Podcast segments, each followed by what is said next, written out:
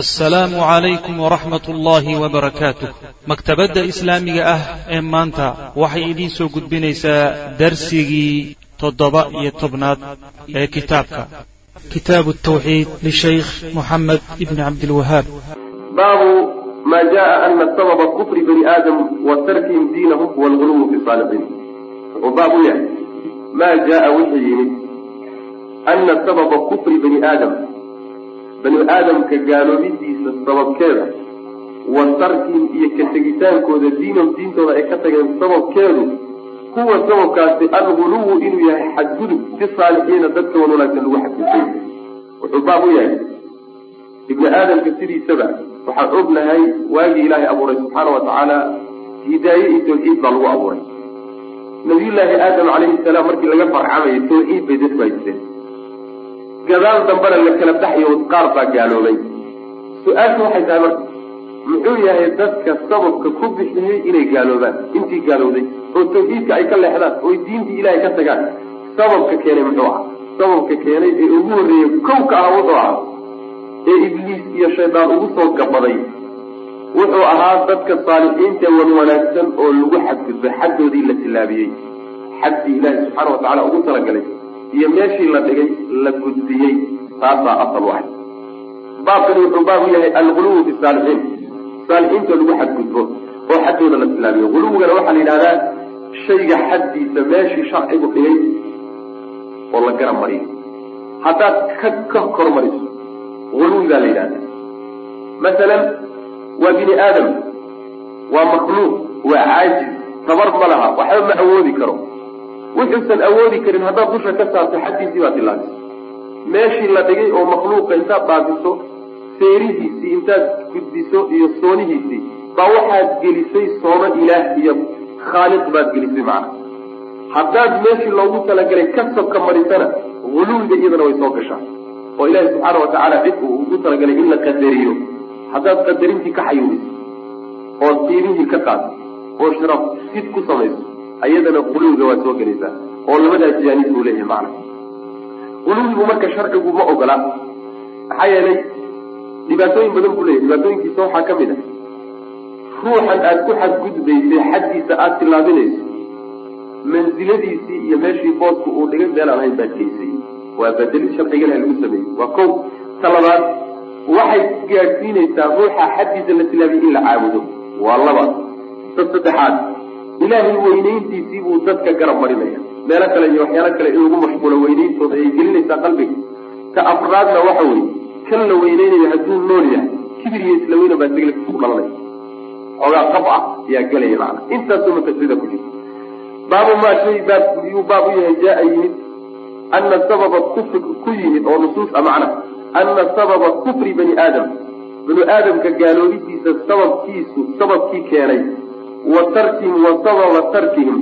Ka tegitaankooda sababkiisii diinam diintooda ay ka tageen sababkii keenay huwa sababkaasi alguluwi inuu yahay xadgudub fi saalixiina dadka wan wanaagsan lagu xadgudub. Saalixiinta waa dadka xaqa ilaahay iyo xaqa addoommahaba gutay wa qawli llaahi caza wajalla ayuu u yahay baab. Odhaahda ilaahay uu yidhi ya ahla lkitaab reer kitaabow kitaabka dadkiisiiyow laa taqluu ha xadgudbina fii diinikum diintiina ha ku xadgudbina walaa taquluu ha odhanina cala allahi alla dushiina ila alxaqa waxaan xaqahayna odhanina. Ahlukitaabku waa yahuud iyo nasaaro wey diintoodiibay xadgudub ku sameeyeen. Xadgudubkay sameeyeenna waxay ahayd wax walboo ilaahay meel dhigay bay meeshii ka bedeleen wax walboo ilaahay subxaana wa tacaala uu mansile iyo boos ugu talagalayna booskiibay ka bedeleen hal mid haddaan soo qaadan oo ama way dhaafiyeen meeshiis ama way ka soka mariyeen. Hal mid haddaan soo qaadanna daatada nabiyullaahi ciisa oo kale tusaale haddaan u soo qaadan yahuudina meeshii ilaahay ugu talagalay bay ka soka mariyeen oo rasuul ilaahay buu ahaayo si sharciga ku dhashay. Intay ku xadgudbeen o hoos mariyeen yaa waxay yidhaahdeen garac buu ahaa. Nasaarana meeshii ilaahay dhigay intay ka sara mariyeen baa waxay yidhahdeen ama waa ilaah ama waa wiil ilaah. Halkaasay geeyeen. Marka ahlulkitaab diintoodii dhexdeedii bay ku xadgudbeen oo ay meeshii ilaahay ugu talagalay meel ahay geeyen macana hadalkiiyo qawlkaa laga wada ficilkaa falka aada samaynaysaan iyo hadalka ad ku hadlaysaan yuusan xadgudub noqonin. Ayib xadgudubka hadday daayaan ilahay waxaan xaqayna ku odhan waxaa laga wadaa. Ilahay subxaana watacaala kelinimuu sheegay isagaa keligii ah. Xaq buu uleeyahay keligiibaa yani kelinimo isagaa xaq ku ah. Ko ta labaadna haweeneyna ma laha caruurna ma laha. Taas xaqa la leeyahay saa dhaho oo intaa ku gaabiya ya ahla lkitaab reer kitaabow laa taqlu ha xadgudbina fii diinikum diintiina ha ku xadgudbina walaa taqulu ha odhanina cala allahi alla dushiisa ila alxaqa waxaan xaq ahayn. Ilaahay subxaana watacala markaad ka hadlaysaanna waxaan xaq ahayn ha ku sheegina. Oo ilmuu leeyahay iyo carruur buu leeyahay iyo mid wax la wadaagaa jira iyo isagii adoomadiisa wax la wadaajin karaa iyo waxaas ilahay uma qalmeen.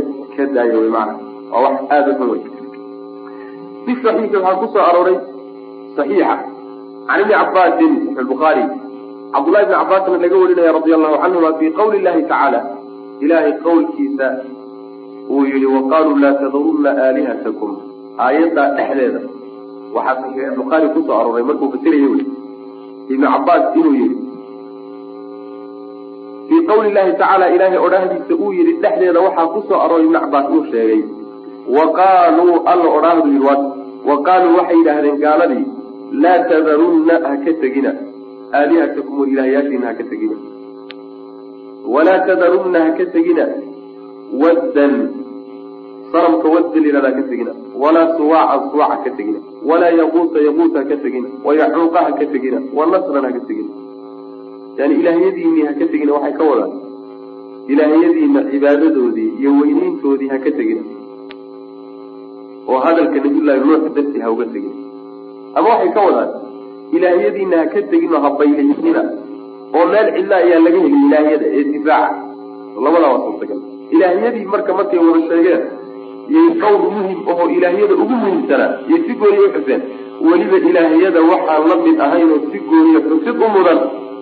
Yani wax way shan sana ay sheegeen. Saas. Qaala cabdullahi marka wuxu uhi cabdullahi bn cabas haadihi midani asmaau rijaalin rag magacyahood wey saalixiina oo wan wanaagsan oo min qawmi nuuxin nebi nuux qowmkiisii ka mid a falamaa halakuu markay nimankaa wan wanaagsani geeriyoodeen ayaa awxa shaydaanu shaydaan wuxuu u sheegay ilaa qawmihim dadkoodiibu wuxuu u sheegay. Dadkii ku xidhnaa iyaga iyo wuxuu u sheegay aninsibuu taaga ilaa majaalisihi meelahay fadhiisan jireen.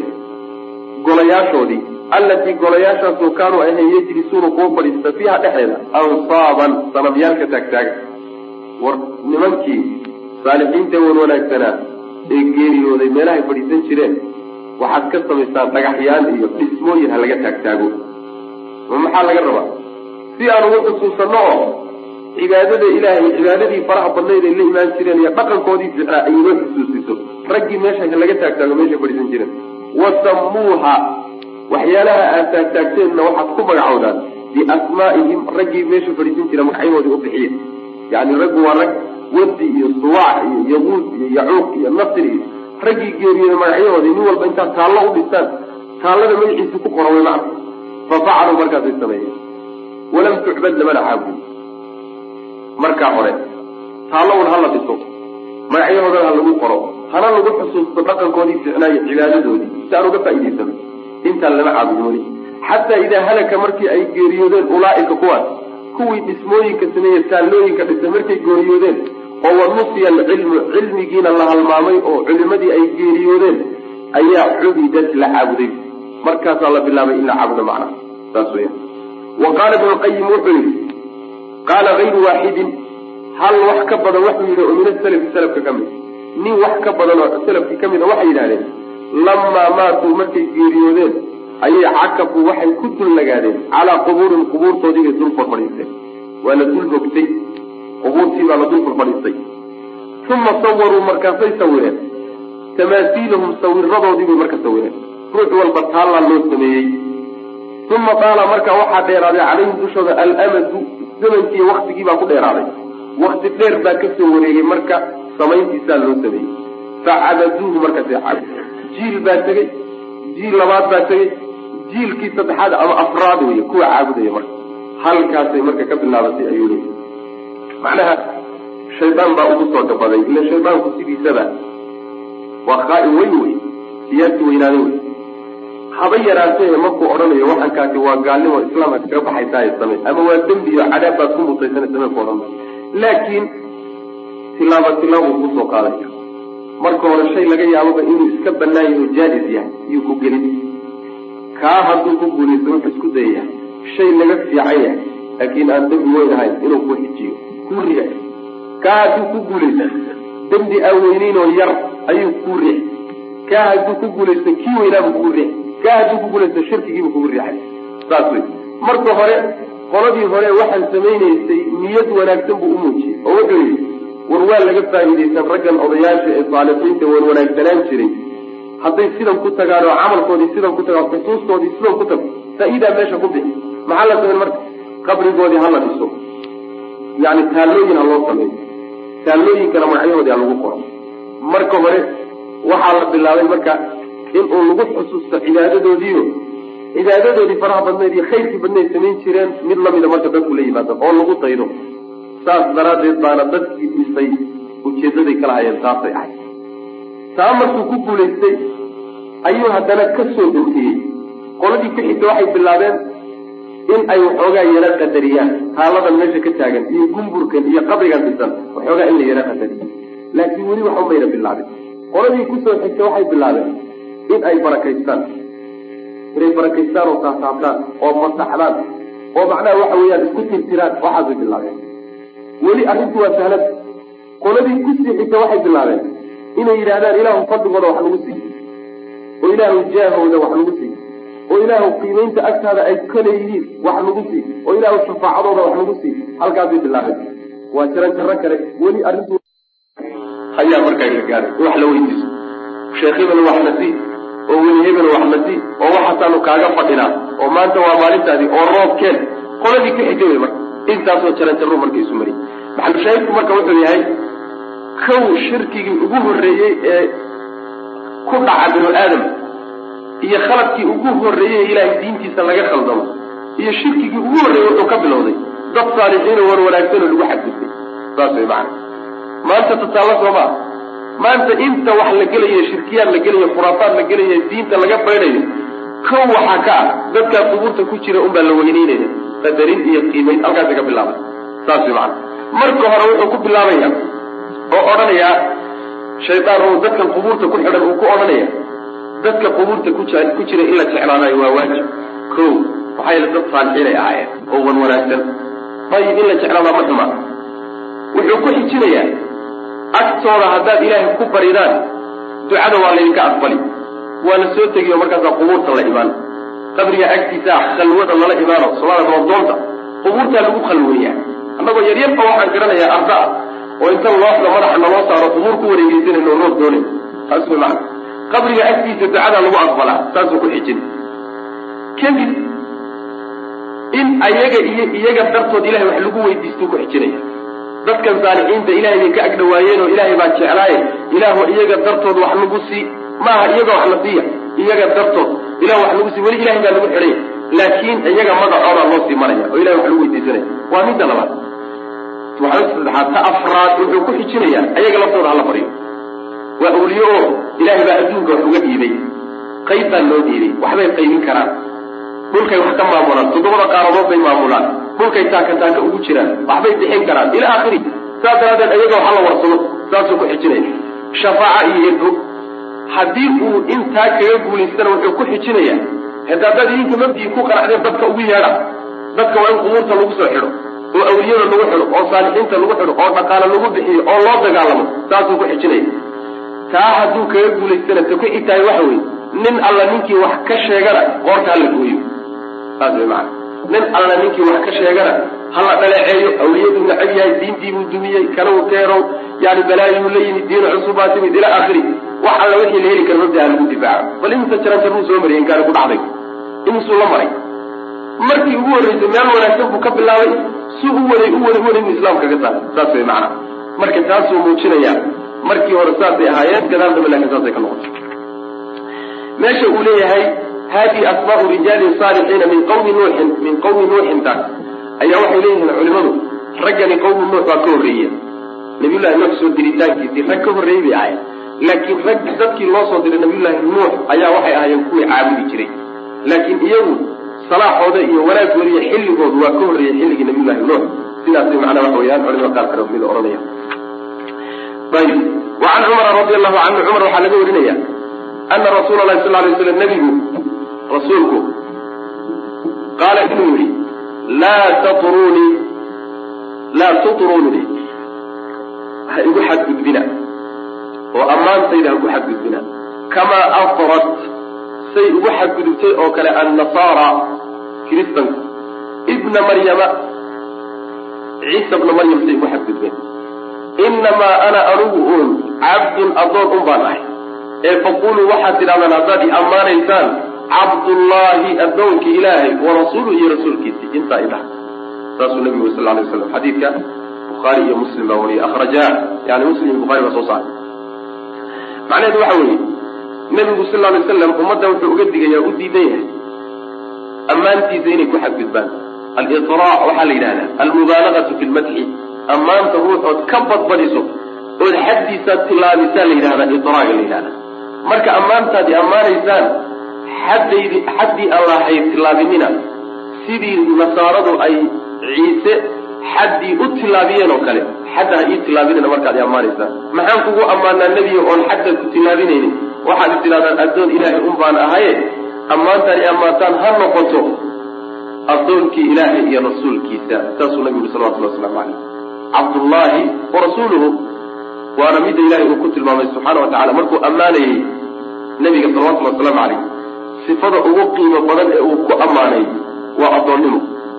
Subxaana aladii asraa bicabdihi layla min almasjid alxaraam addoonnimuu ku tilmaamay. Tabaaraka aladii nazla alfurqaana calaa cabdihi liyakuna licaalamiina nadiira.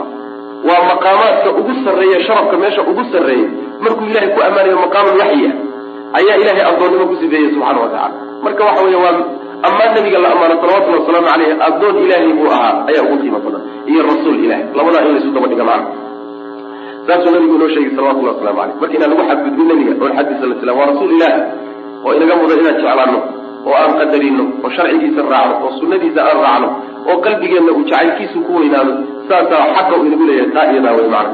Ku sallina markaan magaciisa maqalno salawatullahi waslamu caleyh saas weya laakiin in ilahay wixiisa wax laga siiyo oo xaddii inta addoonnimada la dhaafiyo ilahay xuquuqdiisii wax laga siiyo taa wey miduu nabigu salawatullahi waslamu caleyh uu diidan yahay. Oo ficlan waana dhacday. Waa dhacdayo. Ummaddii nebigu uu uga digahayay arrintaa iyadaa qaar badan baa ku dhacay. Oo qaar waxaad arkaysaa odhanaya nebigu sal alay waslam yaclamu hayba asamaawaati waalard dhulka iyo samaawaat iyo cirka wax alla waxa cilmiga ku maqan. Nebigu waa ogsoon yahay salawatullahi waslamu caleyh wax cilmigoo ka qarsoon ma uu jiro. Iska badaa caamade xataa raggii culimada sheeganayay ayaad la yaabaysaa waxyaalaha marka qaarkood ay ku hadlayaan. Buusiri waa kii macnaha baydkiisa aan soo mari jirnay. Wuu odhan jiray fa ina min juudika addunya wa darwataha wa min culuumika cilmu allawxi waalqalami yani adduunyada deeqdaad noogu deeqday nebiga waxaa ka mid a. Adduuniya aakharaba deeqdaada way adaan la siiyey. Cilmigaaga ballaadhanna qayb ka mida waxaa ah looxulmaxbuudka cilmiga ku yaalla iyo qalinkii ilaahay cilmiguu qoray. Waa cilmilgeybkao dhan waa cilmigaaga qayb ka mida wey macnaha daahirkiisa haddii la qabto cilmiga ilahay kaagaa ka ballaadhan wey shirki ka weyn xagee buu ka imaanaya xadgudub intaa ka weyn. Waa buusiri waa shaacirkii kitaabka macnaha waxa burdaha ajiriyey waay saas weeyaan yani wuu soo uu soo waday ya akrama alkhalqi ma lii man aluudu bihi siwaaka cinda xuluuli lxaadisi lcammi walan yadiiqa rasuula allahi jaahuka bi idi lkariimu taxalla bismi muntaqimi faina min juudika addunya wadarrataha wamin culuumika cilmu lawxi waalqalami ila akhiri abyaad noocaasoo kaleod la yaabayso ayuu nabiga salawatullahi waslamu aleyh xadgudub noocaasoo kale sameyey marka taasaa ka mid a waxaa ka mid a qaar badan oo dadka ka mid a waxay rumaysan yihiin nabigu sal lay slam inuu adduunka wax ka maamulo oo uu qaybo ka mida loo dhiibay oo haddaad weydiisato uu kusin qaar ka mida waxay rumaysan yihiin inuu adduunka uba imaanba oo nebigu soo booqanay salawatullahi waslamu caleyh soo mawliidka maydaan arag sida loo qaadayo loo qaadayo loo qaadayo abyaataa la istaagi maqaamkii baa la soo gaadhaa laleeyahy mataqaanaan maqaamkay sheegayaan nebigii baa soo xaadirinay saasay odhanaya nebigii baa inala joogay hala istaago markaasaa lagaa kacaya cajiib oo nebi maxamed salawatullahi wasalaamu caleyh saxaabadiisu markay yani arrinta isku haysteene dagaalku dhex socday muxuu ugu imaan waaya u kala bixin waaya salawatullahi wasalaamu caleyh oo fitnadaa u damin waaya muxuu u soo booqan waaya raggii waaweynaaye saaxiibadii ahay abubakar iyo cumar iyo muxuu ugu imaan waaya salawatullahi waslamu caleyh waa cajiib. Xadrada oo kale marka loo taaganya meelaha qaarkood macnaha waxaad arkaysaa gogol baa la fidiyaa gobashaa waxay odhanayaan nabigaa ku soo fadhiisanaya iyo cumar iyo abubakar meeshaa la imaanaya ha cajiib waxaasoo kaleeto maana inuu imaanayo waxyaalaha xadgudubkay ka mid. Qaarkood waxayba yidhaahdaanba oo ay ku odhanayaan haddii aan ilbiriqsi aan nabiga salawatullhi wasalaamu caleyh hortayda ka waayi lahaa inaan iimaan leeyahay ba iskuma tiriya ilbiriqsi hadduu hortayda ka maqnaan lahaa. Macnaha afar iyo labaatanka saa waa ila socdaa haddaan suuq tagin iyo haddaan musqul garan. Cajiib marka waxyaalahaas wey waa wax wada asaatiirood la yaabis. Iska badaa nabigeena salawatullahi wasalaamu calayh yani rag ka dambeeyey xadgudubka iyo quluwga noocaasoo kale lagu samaynaya macna. Hadaad akridaan kutubta mawliidka yidhaahdaan ama yani waxa munaaqibka jawharu nafiiska kutubta noocaas oo kale ah ee duruq suufiya ay ictimaadaan haddaad akridaan guluwigaasi wax la yaab laad keenaysaan intan ay nabiga ku sheegayen salawatullahi wasalaamu calayh wax ka daran wax ka daran wax badan baan soo guurin haddii waqti inoo saamaxay abiyaadan oo kale masala hadda sheekh abdulqaadir jilaani baa yidhahday munaafiqku ku yaalla. Wuxuu leeyahay falow anii alqaytu sirii bidajlatin lagaarat lagaarat wagiida almaau min siri burhaani walow anii alqaytu sirii calaa nadaa laukmidat inniiraanu min cudmi sulطaani walow anii alqaytu sirii bimayitin laqaama biidni illahi xayan wanaadaanii waqaftu cala alinjiili xataa sharaxtuhu wafasartu tawraata waastura cibraanii kada sabcat alwaaxi jamcan fahimtuha wabayantu aayaat azabuuri waqur'aani wagustu bixaara alcilmi min qabli nash'ati akhii warafiiqi kana muusa bna cimraani faman fii rijaali illahi naala makanati wajadii rasuulu llahi fi lasli rabbaani ana qaadiriyun cabdun biqaadirin kunyati ukanari ukana bimuxyi diini walaslu kilaali waxaasoo kaleetaa dadka lagu akrinaya oo diin looga dhigo wuxuu leeyahay sheekh abdiqaadir jilaani baa hadlaya leeyahy wuxuu leeyahay haddii sirtayda webiga dajlo la yidhahda aan ku sii daayo biyihiisoo dhan waa gurayaan awood waxaan lahay inaan webiga dhanba biyihiisa dhulka geliyo. Waa kow sirtayda haddaan ku sii daayay buui naarta labaa la yidhahda ee qur'aanka lagu sheegay. Iyada iska daayee wax alla waxa naar jiro oo dhan jahanamo iyo saciiro iyo kulliba wada demi lahaya awood baan u lahay naar oo dhan inaan demiyo cabdiqaadir jilaani baa odhanaya leeyahy haddaan sirtayda ku sii daayay buui ruux mayd oo dhintay markaba wuu soo istaagayo wuu ila hadlay. Ama soo kacay. Wuxuu leeyahay waxaan isdul taagay. Anaajiishii lagu soo dejiyey nabiyullaahi ciisa markaasaa wada sharxay. Injiil oo dhan baan aqaana anaaba sharxay oo sheekheedii abule tawreedna intaan iyadana dul istaagay baan mid mid u kala dhigay. Iyadana waa sharxay. Alwaaxdii toddobada ahayd ee nabiyullaahi muuse lagu soo dejiyeyna iyadoo dhan fahmayo waa wada koobay aayaadkii zabuur iyo qur'aankii nebi lagu soo dejiyey aadamna. Waxaan ujeeda nebi daawuud iyadana waxa weeyaan iyadana waana caddeeyey kulli anaa sheekheediia wixii ilaahay kitaab soo dejiye o dhan sheekh baan oo anaa wada sharxay. Waa kow cilmiga baddiisana waxaadan nukuurtay intaan lay abuurin. Saas way maana anoon lay abuurin. Yaan cilmiga baddiisa salka salkeeda soo saarto kow waxaa saaxiib igula ahaayo marka aan wada soconay buu leeyahay muusihii ina cimraan ahaa. Nebi muusaan markaan wada soconay buu leeyahay. Cajiib yaa weye marka leeyahay ninka meeshaa gaadhay ee kale een aniga ahayn waa faanaya awowgeyna intaa waxaa ii dheer awowgey waxaa abuuri rasuulka ilaahay maxameda salawatullahi wasalaamu caleyh qaadiri baan abuuri dariiqada qaadiriyaan ah cabdilqaadir baa la yidhaahdaa. Kunyadayduna muxiyadiin weye asalka kiilaani baa laga keenay. War waxaasoo kalaa dad lagu akriyana balka warrama ya haddii aanan ka cabsanayn waktigu inuu nagu dheeraado waxaa wax ka fara badanoo lala yaabo. Yaan ka soo gurin laha kutubta iyada. Ninkii carabi gelinaya akriyana waxaasoo kale ugu tegaya macana rag baa waxaa difaacanay oo rag baa seef la garab taagan oo rag baa noloshooda ku soo lumiyey oo rag baa maanta macnaa wax way xoola ku bixinay oo rag baa dadweyne diin uga dhigay. Balofkiisa waxaasoo kaleta macana saas weeyaan. Guluwigaa nabigu salawatullhi wasalaamu caleyh hadduu diiday bal ninka kaleeta lagu xadgudbiya xaddaa la gaadsiin karaya macana shabaxaatu suufiya la yidhahdaayo waa baxraan la geli karin wey markaa saasoo kale u laqmayso tirahdo macnaheedu saas wey waxay ku odhanayaan maya maya waa bad aan la geli karin. Wey bad aan la gelin waxa la yidhaha baxru bixuro waa baxar baxar awliya la yidhahda baxar waa luqa luqa carabiga ku qoran tahay. Baxar awliya maxaa la yidhahdaa? May luqa kale ku qoraan oo la fahmi karay carabi baa la yidhahda ninkii carabi yaqaanana waa fahmaya. Shabaxaad baa la yidhahda waxaasoo kale. Can ibni cumar radi allahu canhu ana rasuula lahi sal lay slam nabigu qaala nabigu wuxu uhi sal lay slam laa tutrunii ha igu xadgudbina yani ammaantayda ku xadgudbina. Kamaa atrabtay u xadgudubtay oo kale annasaara ibna maryam. Nabi ciise say u xadgudbeen oo kale. Maxaa yeele waa wiilkii ilahay bay dheheen qolana waa ilahay bay dheheen inamaa ana anigu buu nabigu uri sal lay slam cabdun adoon un baan ahay. Ee faquluu waxaad tidhahdaan cabdullahi adoonka ilahi warasuulihi dhaha. Akrajaahu bukhaariy muslim baa xadiidkaa soo saaray. Macnaha ammaanku ugu filan. Haddaadba marka ku tilmaantay inuu rasuul ilaahay yahay adoon ilaahayna ahaa amaan waad u dhamaysay siduu nabigeena sal lay slam inoo sheegayo ayib qaala rasul lahi sal lay slam halkaas ka bilaabmiya qaala rasul lahi sal lay slam nabigu wuxuu yihi iyaakum idinka iyo waxaan u kala digayaa alguluwa xadgudub. Fainamaa ahlaka waxa uun halaagay man kaana qablakum dadkii hortiin ahaa alguluwu xadgudubun baa halaagay. Xadiidkaas waxaa wariyey imaam axmed iyo tirmidi ibnu maaja baa wariyey ibnu cabaas baana saxaabiga soo yani laga warinaya uu yahay. Xaakim iyo dahabi baa macnaha saxiix yeelay albanina isaguna manaa waxa weyaan calaa shardi muslim ayuu ku tasxiixiyey xadiidka asalkiisu wuxuu ahaa nebigu sal lay slam nin saxaabada ka mid a ayuu wuxuu u dirsaday dhagaxyaantan lagu tuuro jamaraadka xajka. Markaasuu u keenay. Markaasuu nabigu dhagaxyaantu dhagaxyaan yaryar oo waxay kuwankaas finiinka lagu ganaa la finiino markaasaa nabigu wuxuu yihi sal lay wasalam kuwaasoo kale ha noqdeen kuwaad tuuraysaan. Guluwiga iyo idinkiiyo xadgudubna waa idin kala digayaa bu nabigu uri salawatullah waslamu caleyh macnaha ha ka weyneynina way dhagaxa inta ha ka weyneynina diinta intii loogu talagalay ha ka badina xataa dhagax yar tuur haddii lagu yidhahdo mid yara kuusoo sacabka buuxinaya ha tuurin. Ila waa ka badbadin weye haddii dhagax in la kordhiyo la diiday ma cibaado in la kordhiyo kaleetaa la ogolanaya marka. Waa maya.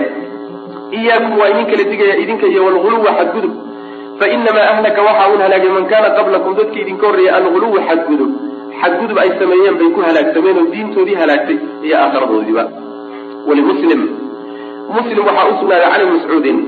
Yani nabiga salawatullah waslamu alayh walimuslim waxaa u sugnaaday cali mascuudin ana rasuula sal lay slam nabigu qaala inuu yidhi halaka waxaa halaagsamay almutanadicuuna kuwa ku fogaada arrinta tanatuca waxa la yidhaha atacamub shayga salkiisa inaad gaadha inaad isku daydood ku fogaato ood ku xadgudubto ayaa la yidhahda bimacnaa waxa weeyaan waa nooc guluwiga ka mid qaalahaa nabigu uu yidhi hadalkaa alaatan saddex goor dadka xadda tilaabiya sharcigu wuxuu meel dhigay meeshii gudbiyo dhaafiya ama hadalkiisa iska doondoono oo ku xadgudba ama dhaqankiisa ku xadgudba ama cibaadadiisa xaddiisa xaddeedii tilaabiya kuwaasaa halaagsamay buu nabigu uri salawatullah waslamu caleyh halaka almutanasicuun macnaha waxa weeye khayru lhadyi hadyu lmustafa sal alay wasalam hanuun iyo jid la qaado tii nebigaa ugu fiican salawatullah waslamu caleyh saas daraaddeed ba culimada selafku waxay odhan jireen yani waxa weeyaan aliqtisaaru fi sunnatin khayrun min alijtihaadi fi bidca inaad waxoogaa yar oo sunnada iyo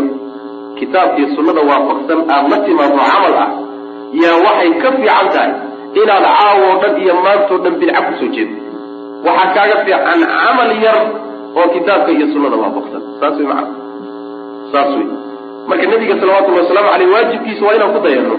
Jacaylka nebiga la jecel yahay ma aha in xaddiisa la tilaabiye. Jacaylkiisu waa in jidkiisii la maro oo sunnadiisii la qaato oo diintiisii loo adeego oo nebiga salawatullahi wasalaamu calayhi yani waxa wey la jeclaado. Taas wey raacitaankiisa way jacaylka nebiga sal lay slam iyo diintiisa la qaato. Laakiin diintiina dhinac iska dhigno garab marno. Haddana waan jecelnaha meelaha inaan la dhawaaqnaay dhadhawaaqeenna laftiisabana aan diintiisa kaga hor imaanayno ku duminaynaay. Waa sheegad wey nin walbana waa sheegan karaa macna.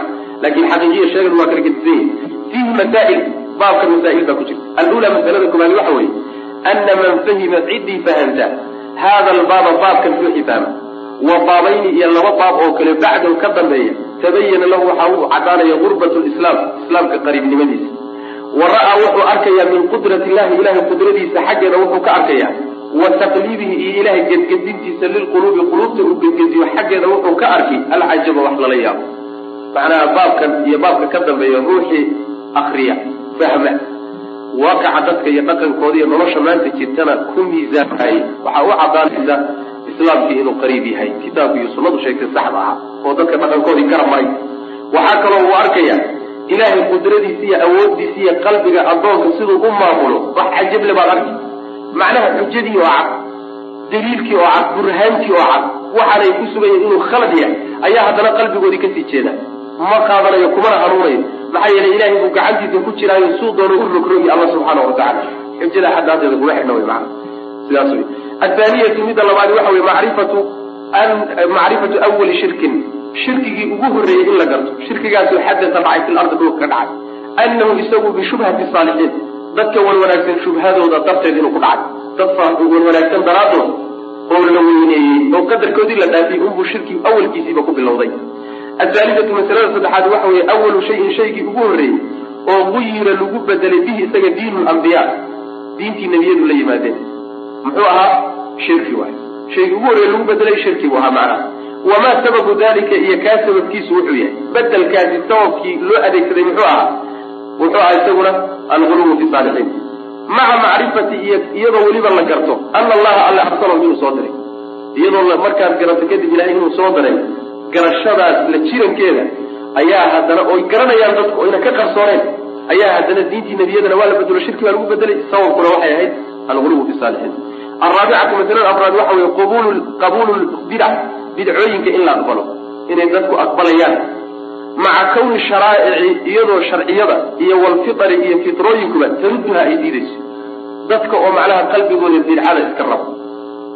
Ayada oo sharcigii ilaahay soo dejiyey iyo fitrada fitrada waxa weeye waa tawxiidka iyo wanaagga qalbiga ibni aadamka ilahay ku abuuray kuna dhashow fitradaasi way diidaysaa bidcada sharciga ilahay soo dejiyeyna bidca waa diidaya. Haddana qalbigii baa iska raba ruuxu wuu iska rabaa waxyaala bidcaa inuu iskala yimaado macana saas daraaddeed baa dadka maanta looga kari lahay dadkan ahlulbidaca dadkan ahlulbidaca somaa ahay haddii bidca cusub ay u timaado way iska aqbalayaan. Bal ilaahay amarkii soo hadda diin cusub baa la keeno mabda cusub baa la keeno yani diintii baa la khilaafay oo malaha waxaynan arki jirin laakiin diinta aan ku olin haddii loo keeno way qaadanayaan. Daliil waxaa kugu ah shiica markay timid. Soomaali shiica ma aqoonin. Shiica markay timid nimankii suufiye ah shiica waa soo dhaweeyeen maba kala foga iyagiyo shiico oo xaggay isku barteen. Maxaa yeelay baatilkaa midaaya atawaasaw bihi bal hum qawmun daaquun xumaan bay wadaagaan. Waxaa yimid nin la yidhahdo xabashi. Xabashi mataqaana waa nin macnaa asalkiisu etoobiyaan oo buu degan yahay dariiqa cusub buu hadda asaas. Oo dariiqa alxabashiya la yidhahdo wuxuu sheegtay inuu yahay mufti soomaaliya soomaaliya inuu mufti ka ahaa. Hadda wuxuu joogaa sweden miya mise denmark. Dad fara badan oo u badan baa dhaca soomaalidii markay ninkaa u tagtay suufiyada iyo dariiqooyinka rumaysnaa. Wax suufiyada aad yaqaaneen ka gedisan buu wataa waa la raacay. Lagamaba dayrininba waxaa intaa dheer ayi mabda oo yimaado oo kitaabkiiyo sunnada aan waafaqsanayn suufiya kama foga. Laakiin xaqu markuu yimaado waa diidaya. Maxaa yeelay bidcanimadaa ka dhaxaysa iyo baatilnimada wey macnaa saas ayib alkhaamisatu masalada shanaadi waxa weeye ana sababa dalika arrinkaas sababkiisu waxa weye kulli dhammaantii waxaa sabab waxaa sabab u ah masju lxaqi xaqi oo lagu barxay. Bilbaatili baatil lagu barxay. Xaq iyo baatil baa isdhex boodaya dadkii marka waa iskaga darmadeen. Falwalu waxaa kutusaya arrinkaas baatilkii xaqoo laysku daro laba arrimood bay ku dhacday. Ta koobaadi waxa weye falwalu ka hore maxabatu saalixiin. Dadka wan wanaagsan in la jecel yahay baa la muujisanaya waa ko waa xaq. Dadka wan wanaagsan in la jeclaado soo xaq maa muminiinto dhan inaad jeclaato waajib bay kugu tahay. Say u sii kala fiican yaqana inaad u sii kala jeclaato waajib bay tahay. Taas horta waa ta koobaad ee xaqa ah baatil baa lagu dhex badhay mu'miniinta hala jeclaado garanayo waa xaqe maxaa ka dambeeya waxaa ka dambeeya qubuurtooda hala tago hala soo dhawaafo hala weydiisto. Baatil iyo xaq la isku daray soomaa. Wathani midda labaadna waxa weeye ficlu unaasin dad samayntii oo min ahli lcilmi dadka ahlicilmiga ka mid a ayaa shay-an waxbay sameeyeen. Shaygaasoo araadu ay u jeedeen bihi isaga khayran khayr ay uga jeedeen. Waxay khayr ka rabeen bay sameeyeen dad ahlulcilmi ah oo maxay ahaayeen qisada markaan dib ugu laabano qubuurtii ay taallooyinka ka taageen. Dad ahlucilmiyaa sameeyey soo maa dad ahlucilmiyaa sameeyey. Maxay ujeedaday ka wateen maxay in la caabuday ujeedadoodu ahayd? Maya waxay ahayd dadkan kadaata ha lagu xusuusto cibaadadana ha lagu badsado ayagana qadariday mudnaayeen ha lagu siiyo. Intaasay ahayd. Ma xuma intaas laakiin dhisiday sameeyeen bay ku khaldameen. Gadaal bay arrintu ka xumaatay. Fadanna markaa waxay moodeen man bacdahum dadkii iyay ka dambeeya waxay moodeen. Dadka ahlulcilmiga ee wax dhisay. Kuwii ka dambeeya waxay moodeen annahum iyagu araaduu inay ula jeedeen bihi dhismahan hayrahu waxay ula jeedeen waxaan ahayn inay ula jeedeen bay moodeen. Yani wanaag bay iyagu ka rabeen wanaagay ka rabeen macno aan ahayn bayba u fahmeen kuwa dambe. Oy u qaateen macna oo in la caabuda saasaa loo fahmay. Saas daraaddeed waxyaalaha noocaas oo kale in la duniyaa fiican. Taallooyinka iyo yani gumburada qubuurta ka dultaagan iyo qubuurta la dhisay iyo haddaad soo marto yani ha tala daraysanin ha u tala daraysanin nebigu dardaaran buu ku bixiy waa inoo imaan doontaa insha allahu tacaala nebigu dardaaran buu ku bixiyey salawatullhi waslamu caleyh qabri la taagay haddaad u timaadaan duniya buu nebigu uri salawatullhi waslamu caleyh uways iyo yani yani maalkii zayleci iyo sheekh nuur iyo kulli ha u tala daraysana intaad u dhumataan soo dumiye saas way macana waxaad nabigaa faray salawatullhi waslamu caleyh in la dumiye maxaa yeele waxay noqdeen wax la caabudo oo sharcigu uusan ogolayn bay noqdeen maana saas midda lixaadi waxa weye tafsiru laaya aayadii oo la fasiro allatii aayadaasoo fii suurati nuux ku jirta asaabicatu ta toddobaadi waxa weeye jibillatu laadamiyi aadamiga dabeecadiisa fii kawni lxaqi xaqa ahaanshihiisa ugu dabeeca xaqa oo ah yanqusu mid nusqaamaya fii qalbii qalbigiisu xaqu ku nusqaami wlbaailu baailkuna yaziidu ugu kordhi. Ibni aadamka dabeecadiisa khayr ma mut nafteenu khayr ma wixii ilaahay u hanuuniye mooye dabeecada ibni aadamka waxay tahay baatilka inuu qalbigiisa ku siyaado xaquna uu ku nusqaamo saas mana ilaa man raxima rabbuka cid ilahay hanuuniye mooyaane subxana wa athaaminatu masalada sideed waxa weye fiihi waxaa ku sugan shaahidun markhaati fur limaa shay loo markhaati furo nuqila laga soo guuriyey can isalafi salafka laga soo guuriyey culimadii hore ee saxaabada oo ah ana albidaca bidcooyinku sababu lkufri gaalnimada inay sabab u qisada waxaa inooga soo muuqday bidca bilaabatay oo haddana gaalnimada dadkii gaadhsiisay bidcadu marka waxay sabab u tahay oy dadka gaadhsiisaa gaalnimada ataasicatu midda sagaalaadi waxa weye macrifatu shaydaan shaydaanki inuu in macrifatu shaydaani shaydaanka oo garanaya bimaa shay buu garanaya. Ta-uulu ay ku dhammaan doonta ilayhi isaga albidcatu bidca waxay ku dambayn doontuu garan. Walow xasuna haba wanaagsanaado qasdu lfaacili ninka sameeyey niyad samiba ha ku xambaaro niyadiisu hama fiicnaatee laakiin shaydaan wuxuu garanayaa bidcada haddii la sameeyey. Xumaantay ku dambayn doonto isaga meel bay u taalla waa barwaaqo maalinka macnaha waxay barwaaqiya bashbash bay u tahay bidcada haddii lala yimid macnaha waxa weye gadaaligagaga qor anaa tirsan. Wey adigu bidcadii yar ii samee sidaan gaalnimo uga dhalin anaa garanay shaydaan saas wey ayib alcaashiratu midda tobnaadi waxa weye macrifatu alqaacidati alkuliya qaacidadii guud oo iyadana la garto. Wahiya qaacidadaas maxay tahay? Annahyu diido laysu diido wey can ilguluyi guluwi xadgudubka laysu diido. Wa macrifatu ma iyo shay in la garto ta-uulu ilayhi guluwigaas wuxuu ku dhammaan dooniyo xumaanta ka dambaysa oo la garta iyadana alxaadiyata cashrata masalada ko iyo tobnaad. Madaratu lcuquuf nagaadi dhibka uu leeyahay. Cala alqabri qabriga dushiisa lagu nagaado liajli camalin saalixin camal wanaagsan dartiina loogu nagaado qabriga oo camal wanaagsan lala soo aado ama baryo ama qur'aan akrintii ama roobdoon lala soo aadayo xumaanta ay leedahay dhibka ka imaanaya ayaa macnaha waxa wey ayaa laga qaadanay. Maxaa yeelay xumaanta ka imaan gaalnimaa ka dhalata wy macana athaaniyatu cashrata masalada athaaniyata cashrata masalada labiyo tobnaad macrifatu nahyi reebitaan la garto. Can itamaasiili sawirada la reebay. Suuradaha macnaa waaweyn waalxikmati iyo xikmadda ku jirta fii isaalatiha baabi'inteeda sharcigu ma ogola sawirada iyo tamaasiisha guryaha la dhiganayo waaweyn ee xajmiga leh. Iyo kuwa kale toona sharcigu ogola. Waxay daruura macnaha ka maarmi laga maarmi waayo mooyaane. Maxaa loo diidayaa waxaa loo diidayaa shirkigii ugu horreeyay bay sabab u ahayd haddana aamin lagama aha dadka inay shirki ku ridaan. Saas way macana saas daraaddeed baan la ogolayn muslimiinta lama ogola inay guryaha sawirra dhigtaan. Noocay dooni ha noqdeen. Wixii aan macnaha markaas difniintii iyo looga maarmi waayo waa meesheeda oo macnaa daruur ahaan baa loo nuqseen laakiin wixii kaloo dhan ama yani waxa weeyaan kuwa photographiga ha noqdeen ee kamerooyinka lagu sawiro ama kuwa gacanta ha noqdeen ama ku taagan ha noqdo ama midkiiba ha noqdo kulli hala baabi'iyo guryaha laga saaro macna albanadana hala gubo. Albanada lagagashanaya la daadaawanaya wax sharcigu ogolyahay ma hala gubo macna. Athaalidata cashrata masalada saddexiy tobnaad waxa weeye macrifatu shani hadihi lqisa qisada arrinteeda oo iyadana la garto. Wa shiddat alxaaja macnaha qisadoo la fahmo. Wa shiddat alxaajati iyo baahida daran ilayha iyada loo baahan yahy sida maanta loogu baahan yahy maca algaflati iyo halmaanka weliba canhaa maanta la iska halmaansanya aad baa loogu baahan yahay haddana waa la iska halmaansanya maxaa yeelay khaladka maanta lagu jiro oo dhan baaba halkaa furihiisu yahay. Meeshuu ka bilowdayba waa taa. Alguluwu fi marka qisadan oo kale maanta in la waa loo baahan oo aad baa baahi loogu qabaa. Araabicata casharata midda afariyo tobnaad waxa weeye wahiya midan afariyo tobnaad. Acjabu ayadaa ugu yaa badan wa acjabu oo ugu sii yaa badan oo maxay tahay?